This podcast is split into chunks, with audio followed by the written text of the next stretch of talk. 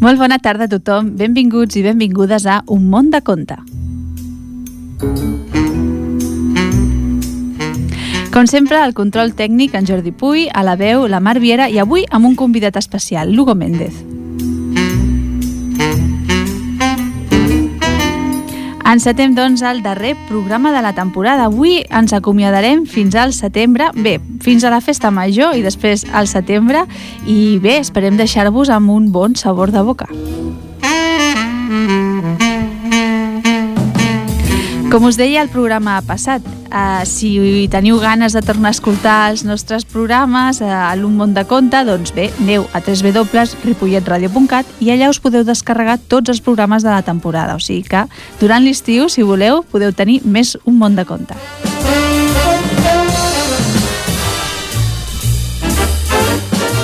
I els continguts que portem avui al programa, com ja us havia avançat, eh, els dediquem aquests darrers programes a contes d'arreu del món. I portem tres títols que els hem extret d'un llibre que, Hugo, tu m'ajudes a dir com es titula? Tot un món de contes, republicació de retrats tradicionals de tots els racons del món. Doncs això, contes de tots els racons del món i avui doncs portem de tres països que bé, després us avançarem. Els títols són L'animal prohibit, El tigre i el monjo i El nen ploramiques. I a la part musical avui repetim un grup que ja havíem portat, els Chambao. Muchos no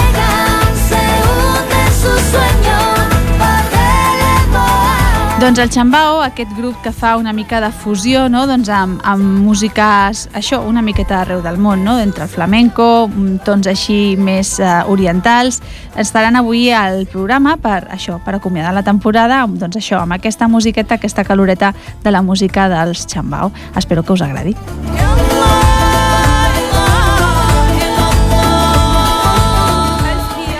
I bé, abans de començar, que tinc aquí a Lugo ja amb el llibre preparat per ajudar-me a explicar els contes, abans de començar, bé, doncs ja sabeu que ja fa uns dies que els nens de Catalunya eh, estan de vacances. Hugo, tu ja estàs de vacances? Sí, Sí que bé, no? Ja no has d'anar a col·le cada dia. Tenies ganes o què? sí. I què fas ara sense anar al col·le?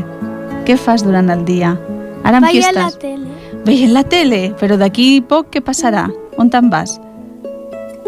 No te'n vas de colònies? Sí, Ah, te'n vas de colònies d'estiu. Sí. Doncs bé, el que dèiem, ja fa uns dies que els nens de Catalunya estan de vacances i des d'ara fins al setembre disposen de tot el temps del món per jugar, o això que deia l'Hugo, per veure la tele i per fer altres activitats que durant l'any doncs, no podeu fer, oi? Um, bé, en definitiva el que es tracta és de divertir-se i com no, des d'aquí, des de l'Un món de conte, doncs què us hem de recomanar? Que llegiu, que llegiu llibres i que aprofiteu doncs, aquest estiu per conèixer noves històries. En plena era 2.0, això que tothom diu ara, el repte és aconseguir estimular els nens perquè gaudeixin de la lectura durant l'estiu. La, una escriptora que es diu Núria Esponellà, que és, bueno, es dedica molt al món infantil, ens ha explicat que hi ha alguns estudis que confirmen que els nens que llegeixen 4 o 5 llibres a l'estiu comencen el nou curs amb un nivell d'uns dos o tres mesos d'avantatge en relació als que no han llegit res. O sigui, d'alguna manera els manté no? doncs en aquest eh, vincle que fa que després doncs, bueno, els resultats sembla que siguin millor. I també ha donat algunes pautes, eh, sobretot perquè s'hagi de triar el llibre més adequat pels nens, eh, s'ha de tenir en compte l'edat eh, del nen i que si llegir amb ell mm, té dificultats o no. Evidentment, no s'ha de vincular la lectura a la feina escolar. La lectura s'ha de veure com, una, com un moment d'esbarjo. I el que dèiem ja en algun programa, els adults hem de donar exemple com a lectors i donar-li importància a la lectura. Si no els agrada un llibre, doncs bé, no pas de res, podem suggerir que, que canvin. I si durant el dia doncs, no troben aquell moment, els hem de dir que és important reservar un temps de lectura diària. Uh, potser també és una bona idea incorporar el llibre electrònic si cal i conversar sobre el que llegeixen, no? doncs preguntar-los què han llegit, si els agrada, de què va la història. De, el que es tracta és d'ajudar-los a escollir un llibre adequat al seu nivell.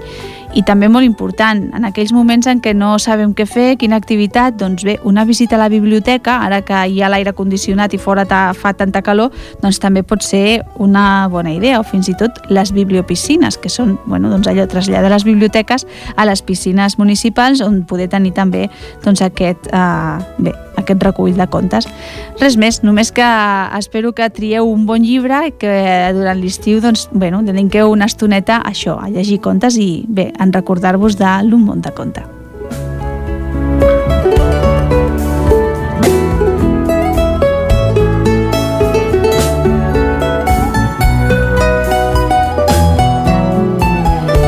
Doncs bé, començarem amb la primera història, amb el primer conte. Hugo, ens expliques quin conte és, a veure?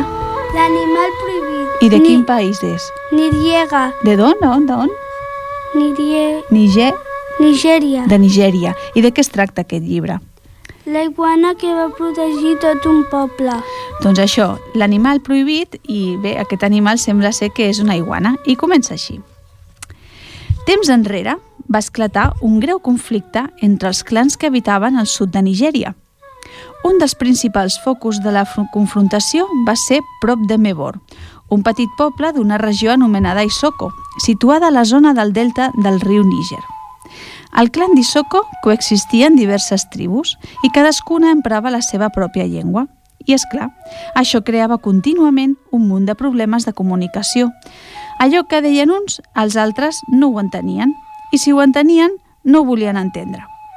De mica en mica la situació es va anar escalfant fins que la convivència entre els pobles es va fer del tot insostenible. El següent pas d'aquest estira i arronsa va ser l'inici d'una disputa pel control del territori. Les paraules es van silenciar per donar pas a les armes. La guerra s'estenia per tota la zona i morien homes i dones, nens i grans, sense que ningú hi posés remei i una mica de seny.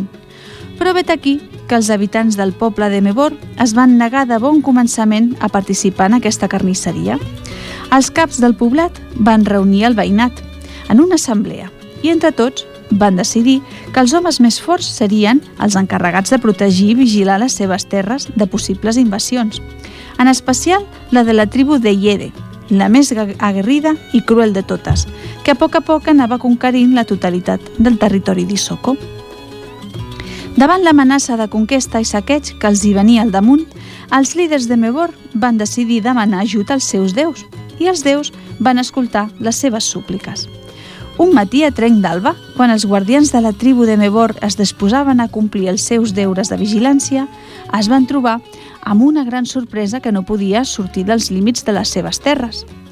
Tot el poble estava cercat per la imatge d'una iguana tan alta i tan grossa que es feia del tot impossible travessar-la. Ningú no en podia sortir, però tampoc ningú no hi podia entrar. Aquell que gosava intentar-ho tornava terriblement espantat per la imatge d'aquella enorme iguana.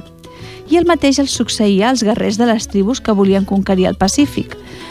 Però aquí, aquí no acaba la cosa, perquè tot d'una, al poblat de Mebor van començar a arribar un fotimer d'iguanes. Arribaven de tot arreu, procedents dels quatre punts cardinals, envaint totes les contrades adjacents a la vila. Davant aquest inexplicable fenomen que ningú no comprenia bé, el cap de la tribu va donar l'ordre de respectar aquests animals. El seu missatge instava a tractar-les com si fossin éssers humans, a cuidar-les i a donar-les i menjar, en comptes de menjar-se-les. I tots els habitants de Mebor, sense excepció, van complir la voluntat del seu líder. D'aquesta manera, les iguanes van començar a multiplicar-se i a viure entre els indígenes del poblat. I així va ser fins que un dia de joia per tothom, el conflicte, la guerra, es va resoldre. Els capitostos dels clans de la zona del Delta van intervenir per posar fi a la confrontació i totes les tribus van recuperar la pau i la llibertat que tant desitjaven des de feia molt de temps. Però el més curiós de tot sabeu què és? Una vegada es va restablir l'harmonia entre els diferents clans d'Isoko, la imatge de la iguana que blocava Mebor va desaparèixer com per art d'encanteri. I en el seu lloc, els habitants de Mebor es van trobar a l'entrada del poblat amb un turó de terra que va resultar ser un gegantí niu de tèrmits. En aquest termiter, cada any, i coincidint amb la lluna plena d'abril, els components de totes les tribus de la comarca acudeixen a honrar la imatge de la iguana.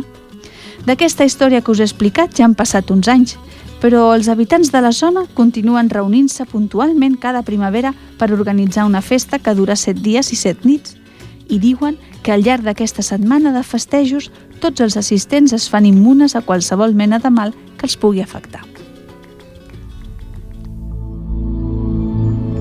سكاية يوم دهت يوم سكاية أحسن ناس الحوف اللي يومهم لبان حتى البحر بدا جبكي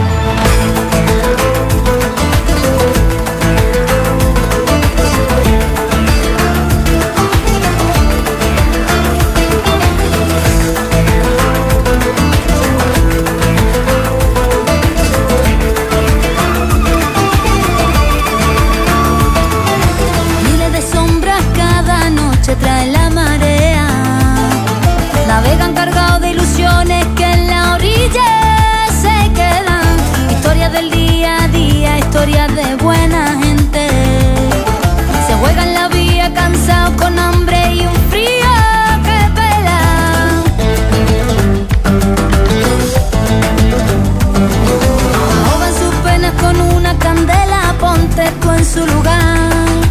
El miedo que en sus ojos refleja, la mar se echó a llorar.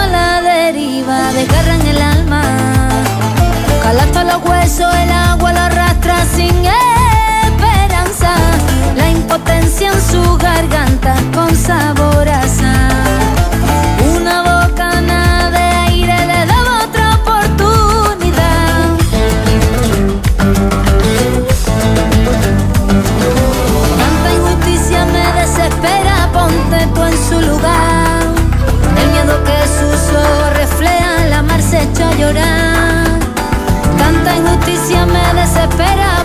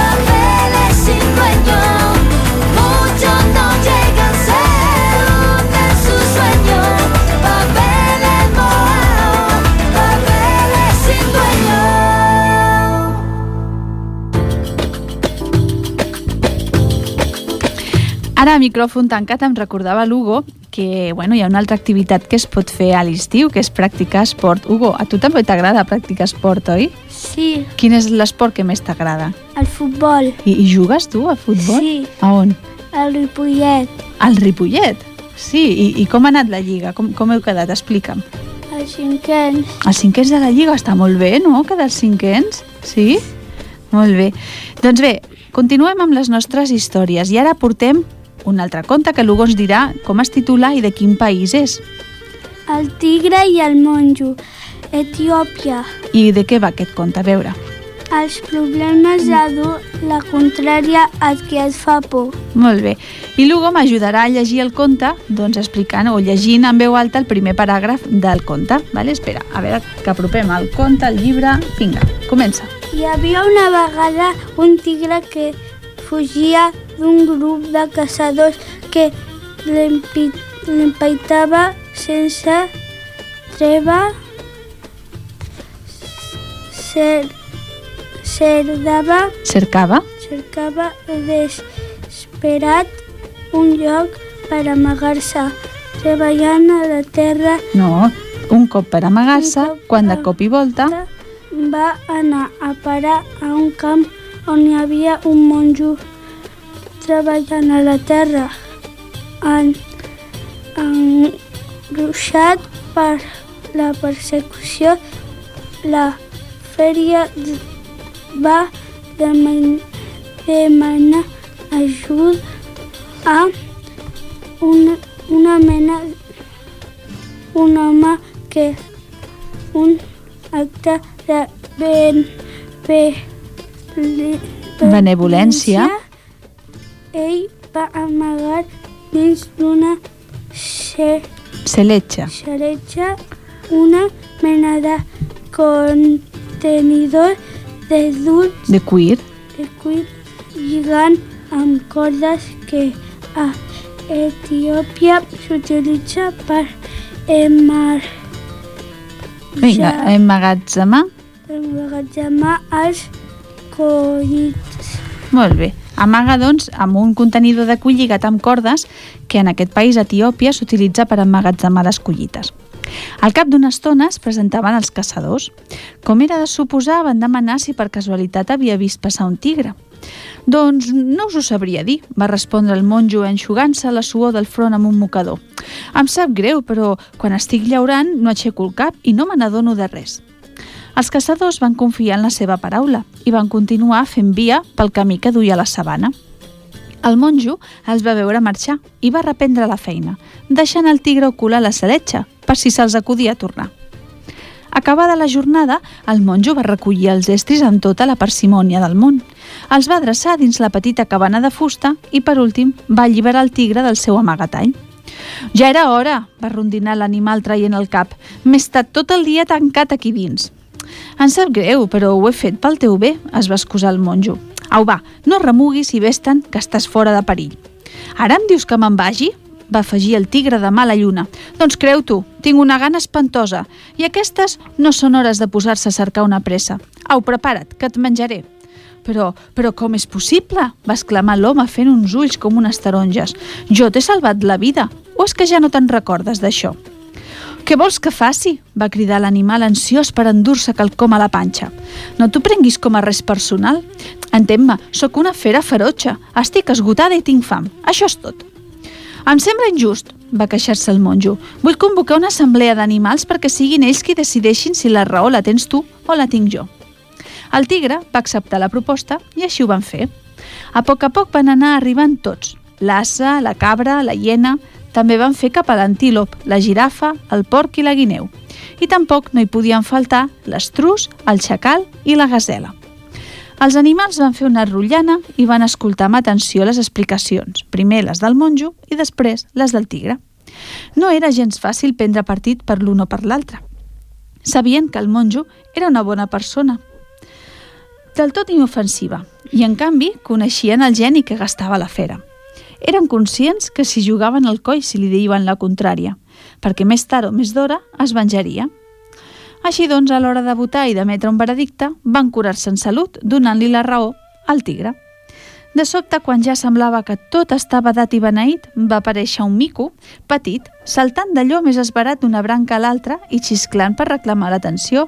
«Ep, ep, que hi falto jo!» va avisar. «D'acord, mico esquifit, digues què penses», va consentir el tigre amb cara de pomes agres. «Parla abans, no perdi la paciència». El mico va gratar-se les aixelles i després de rumiar-se uns segons va dir «Tinc clar que el monjo et va salvar la vida, però no ho entenc. No sé, un felí tan gros i tan ben plantat com tu se'n fa estrany que pugui entrar dins d'aquesta saletxa tan merdosa». «Mico filós», va bramar el tigre perdent la paciència. «És clar que hi entro». «No hi entres», va insistir el simi. «Mira que n'ets de cabut», va esclatar el tigre tip de tanta xerrameca. «Guaita si entro» i tot d'una, la fera es va ficar de nou a l'interior del seu amagatall per demostrar que sí que hi cabia. Enfilat a l'arbre, el, el petit mico va fer un senyal i en un tres i no res el monjo va lligar les cordes de la saletxa amb un doble nus i una llaçada, deixant el tigre engaviat. Quan van comprovar que la bèstia estava ben engarjolada, tots els animals presents van respirar alleujats. Per ells va ser com deslliurar-se d'un pes. L'amenaça s'havia esfumat i ja podien expressar lliurement les seves opinions. Fent una nova ronda de votacions, l'Assemblea d'Animals no només va donar la raó al monjo, sinó que per majoria absoluta van decidir que el tigre restaria tancat i barrant dins la saletja.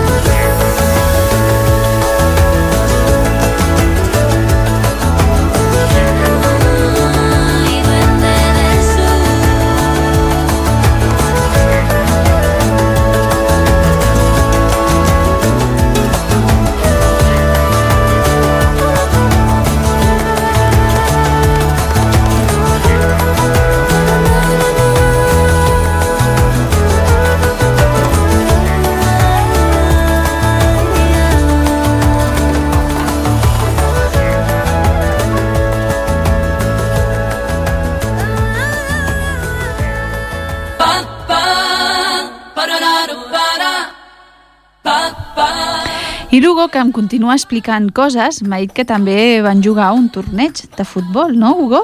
I contra qui veu jugar? Contra l'industrial de Ripollet. I què? Que, que, com va quedar aquest torneig? Vam guanyar. Vosaltres veu guanyar? Sí. Per quants gols, a veure? Vam fer dos partits Mm -hmm. vam guanyar un de penals Sí. i l'altre el vam guanyar de punts. Ja, molt bé. I així que quan veu acabar, què us van donar, els guanyadors? El, el trofeu. El trofeu, molt bé, no? Doncs vinga, anem a buscar la tercera història, sí? A veure, com es titula aquesta, aquesta història? El nen que plorava. I aquesta història de quin país és? Tanzània. De Tanzània. I, I de què va aquesta història? A veure.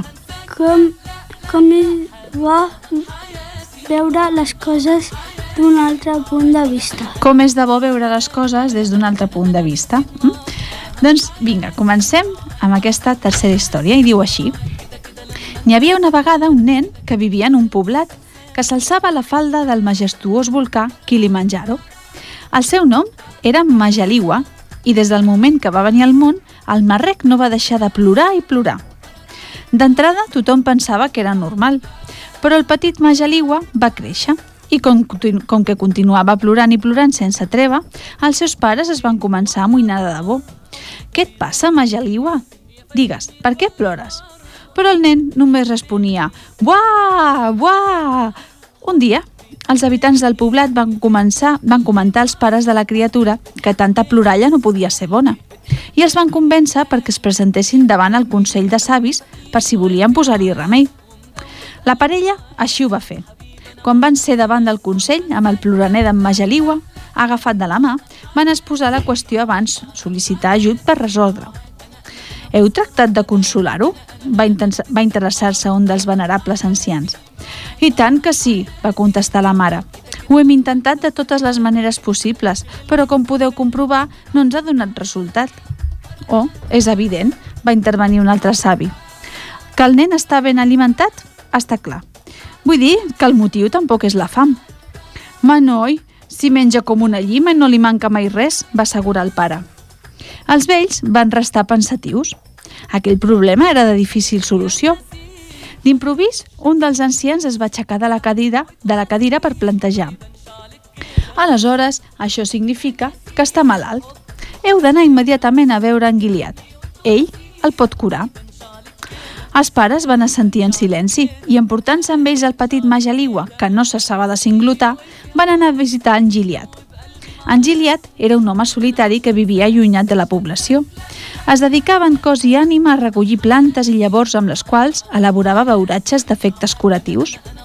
Era tan reconeguda la seva fama de bon curandero que moltes persones procedents d'altres indrets acudien a ell a la recerca d'un remei que pal·liés les seves afeccions. Així doncs, els pares van travessar el poble i van fer via per la sendera que duia el turó. Darrere seu, d'una manera espontània, van arremolinar-s'hi una nombrosa colla de veïns que, picats per la curiositat, van decidir seguir-los per presenciar la fi d'aquella història. En arribar, en Giliat va sortir a rebre'ls i els pares, alçant la veu sobre els interminables gemecs del seu fill, van manifestar el seu neguit. El curandero va gratar-se la barbeta, reflexiu, abans de demanar. Espereu-vos aquí un moment. Tot d'una va girar cua per endinsar-se a la seva cabana. D'allò més concentrat, va agafar una marmita i la va anar omplint amb una micona d'aquella planta, un pessic de tal llavor, un bri d'un altre, un rajolí d'un líquid fosc. I quan ja ho havia ficat tot, va picolar la mescla fins a aconseguir un xarop ben espès. Aleshores, va sortir a cel obert amb aires triomfants per donar les instruccions següents. Que en Majaliu es prengui aquesta putinga ara mateix. Si ho fa, es curarà. Oh! van exclamar els admirats tots els presents. La mare va agafar el beuratge i li va donar el ploraner del seu fill. Els espectadors contenien la respiració. En Majaliwa va parar de vessar llàgrimes durant uns instants. Es van passar la poció amb una ganyota de disgust i a continuació, agafant aire, es va tornar a posar a plorar. Oh, oh! van exclamar decebuts els veïns. En Gilead, desolat pel seu fracàs, es va retirar a l'interior de la seva barraca mentre sentia els escandalosos gemecs de la criatura. Tots els presents van mostrar-se d'acord a visitar d'altre cop el Consell de Savis per reclamar una altra solució. La comitiva amb els pares i el nen al capdavant van compareixer de nou davant els savis del poblat. I aquests, després de deliberar una bona estona, van arribar a la conclusió que un trenclacloscles d'aquesta magnitud només el podia resoldre el bruixot de la tribu. Aquest nen està posseït pels mals esperits, va sentenciar el portaveu dels savis. Un cop, en Quilonzo, els ha d'espantar, Majaliwa deixarà de plorar. Es feia fosc quan sota la llum de les torxes i davant els admirats ulls de la gent del poblat, en Quilonzo va iniciar la seva dansa al voltant d'en Majaliwa. Feia sonar uns collarets fets amb ossos, batzegant les mans i les cames en un ball frenètic, seguint el compàs d'una antiga cançó que entonava amb la seva veu aspra. Mentre en Majaliwa, sense deixar un moment de plorar, s'alguaitava amb una barreja de fascinació i por. I quan el sol ja despuntava per l'horitzó i en Quilonso era a un pas de l'extenuació, tot el veïnat va poder sentir.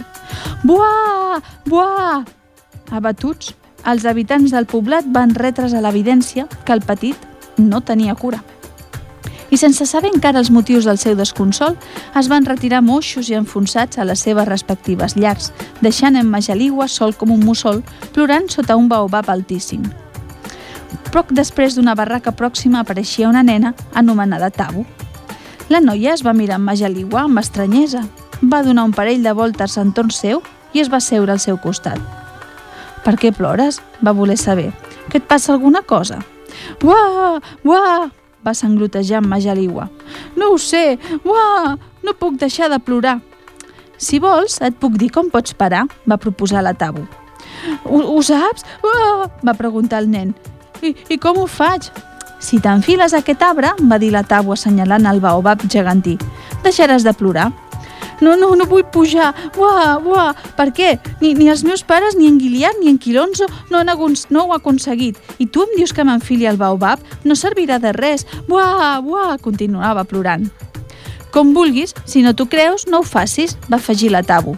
Però i si t'ho demano com un favor d'amic? Au, va, enfila't al baobab, perquè si no ho fas jo també em posaré a plorar. Va, fes-ho per mi. En Majaliwa se la va mirar sense deixar de besar les llàgrimes i es va anar incorporant a poc a poc. La Tabu era la seva amiga i no volia entristir-la. I malgrat que sabia que enfilar-se al baobab serviria de ben poca cosa, la va començar a grimpar per aquell arbre que semblava gratar el cel. Quan va arribar dalt de tot, en Majaliwa va seure's en una branca. «Buà! Buà!» va cridar dirigint-se a la Tabu. «Ja sóc aquí! I ara què?» Obre els ulls i mira, va exclamar la Tabu des de sota. Llavors, en Majaliu es va fixar en el paisatge que l'envoltava. Va observar el poble humil i les seves cabanes i la gent que s'atensava al baobab per esbrinar què passava. La barraca d'en Quilonso, el petit turó allunyat del poble on era la cabana d'en Guiliat i també les senderes que portaven a altres llogarets, i més lluny, l'altiplà que s'estenia fins als llacs Malawi i Tanica la vall del Gran Rift amb les llacunes Natron, Eyasi i la Manjara, que separaven la carena muntanyosa dominada pel majestuós Kilimanjaro. També va poder veure els ramats d'antílops fent saltirons per la sabana, les girafes allargassant els seus colls per mossegar les fulles dels arbres, els hipopòtams xapotejant a les basses i les bandades de flamencs roses alçant el vol sobre les aigües del llac Macat, els lleons dormisquejant a l'ombra dels matolls.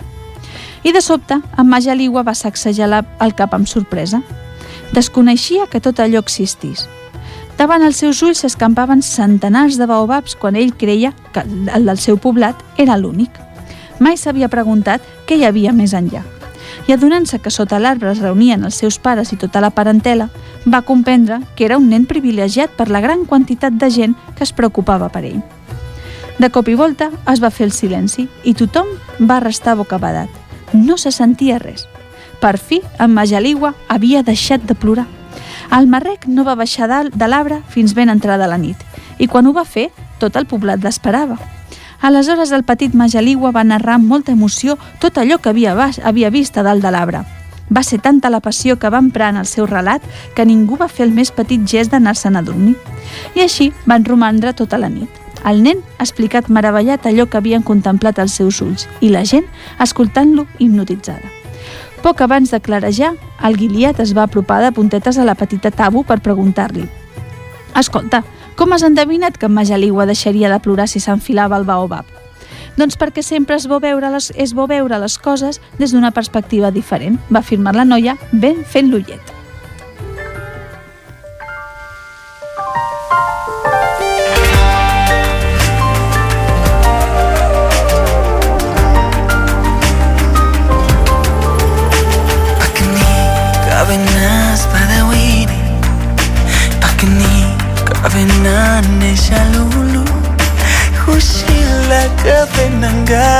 δώρο του σύλλακα δεν αγκάσπι δόλο Πακενίκα δεν άσπαδα ουίνε Πακενίκα δεν άνε σαν λούλου δεν αγκάσπι δόλο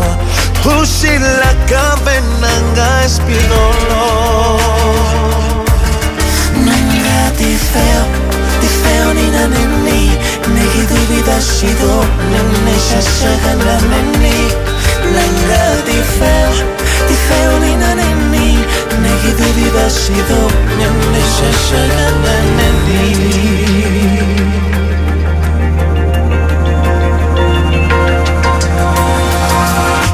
Qué difícil decir lo que pienso cuando se trata del sentimiento. Si estoy contigo, niño, me encuentro.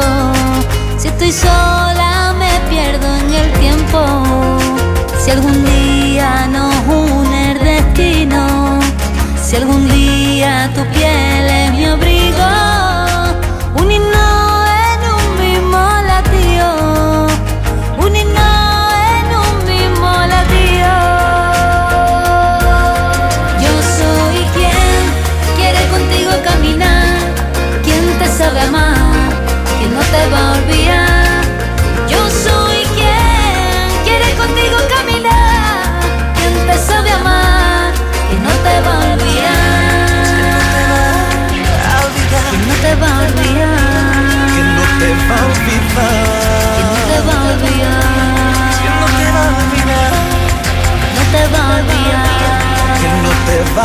va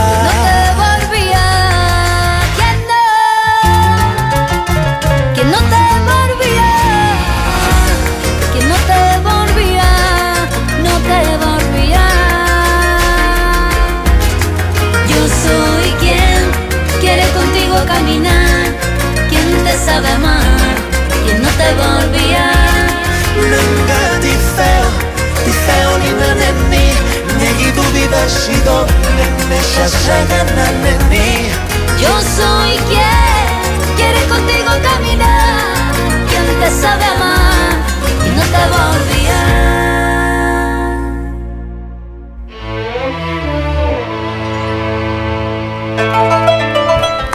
Doncs bé, hem arribat al final del programa. Hugo, després d'anar de colònies, on, on aniràs? A Sant Pol de Mar. A Sant Pol de Mar, i allà què, què faràs? M'ho expliques?